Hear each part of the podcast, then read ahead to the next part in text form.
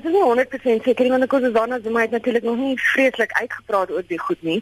En sy was nou verlang oor see so ons is nog nie 100% seker waar sy staan nie.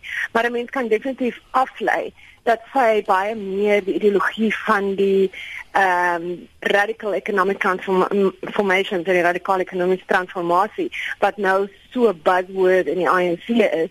En natuurlik die hele soort van ehm um, blamering vir uh, wit mon monopolie ehm um, kapitaal ehm um, dat sy baie meer in daai kamp val. Ek glo dat sy wel anti-korrupsie is. Ehm um, sy was nog altyd redelik sterk daarop. Die vraag is natuurlik net in hoe mate kan sy daarvan ontslaa raak gegee wat ek voorgesê het dat haar steun gaan kom van ehm um, die meer soort van twyfelagtige karakters in die ANC.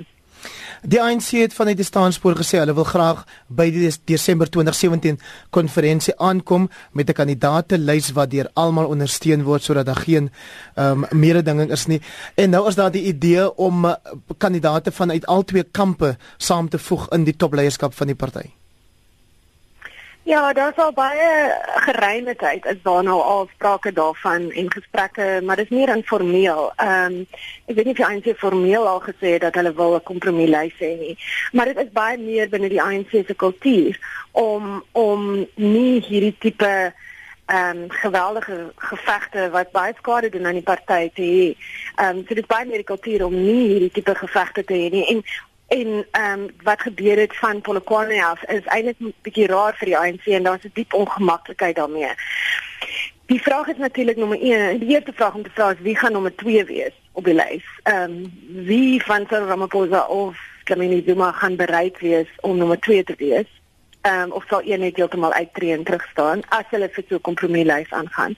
My vermoede is dat ons eers later in die jaar sal weet of dit 'n werklikheid is, hierdie kompromieslys En ek dink dit gaan afhang van watter kamp die meeste ondersteuning het op daai stadium. As die Zuma kamp, as mens nou so wil noem, as die pro Zuma kamp byvoorbeeld blyk asof hulle heeltemal loshandig gaan wen, dan dink ek nie soms 'n kompromieslys sien nie. Ehm um, aan die ander kant as dit lyk of die uh, Ramaphosa kamp begin verbysteek, Ehm um, of as dit lyk asof hulle geweldig naby mekaar gaan bly in in terme van ondersteuning, dan dink ek dis die kans dat ons 'n kompromieslys gaan sien baie groot.